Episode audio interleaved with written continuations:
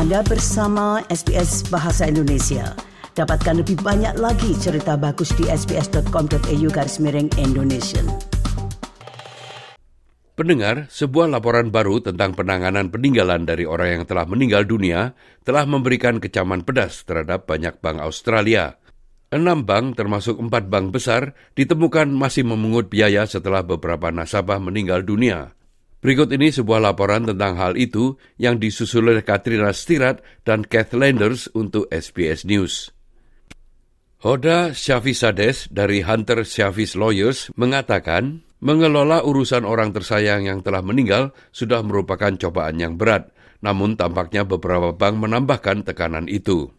Our personal experience has been that banks unfortunately lack the necessary processes, resources, and sensitivity in dealing with complex deceased estate matters. Sades mengecam tindakan bank itu.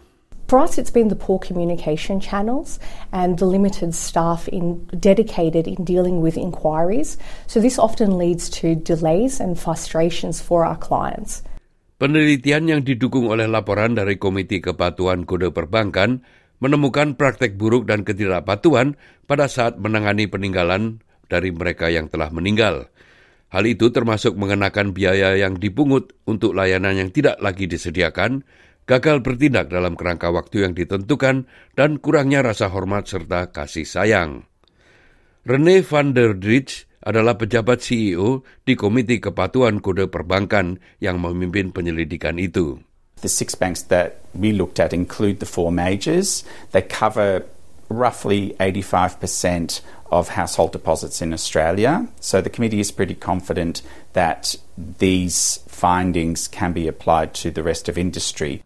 Masalah tersebut diperparah saat rangkaian masalah lainnya, yaitu sistem dan proses yang tidak memadai, fragmentasi departemen, pemantauan dan akuntabilitas yang buruk, serta kurangnya pelatihan staf. Sifa Sades menjelaskan. They would request the same documents multiple times over the life of the administration of the estate. This can be quite frustrating. Either we have to keep providing updated documents that were already provided, but because of the late processing, they have to request the same documents again.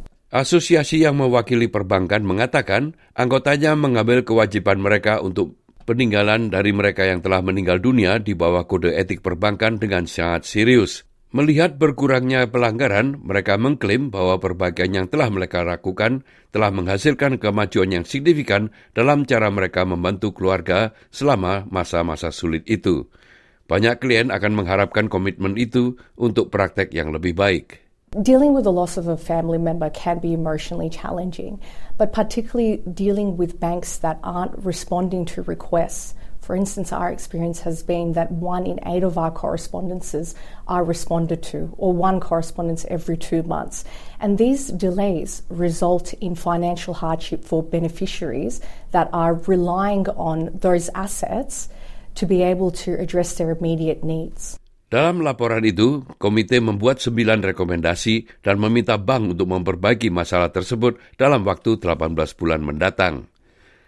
Pendengar itulah tadi sebuah rangkuman tentang perbaikan yang telah dilakukan oleh perbankan dalam menangani harta atau peninggalan dari mereka yang telah meninggal dunia.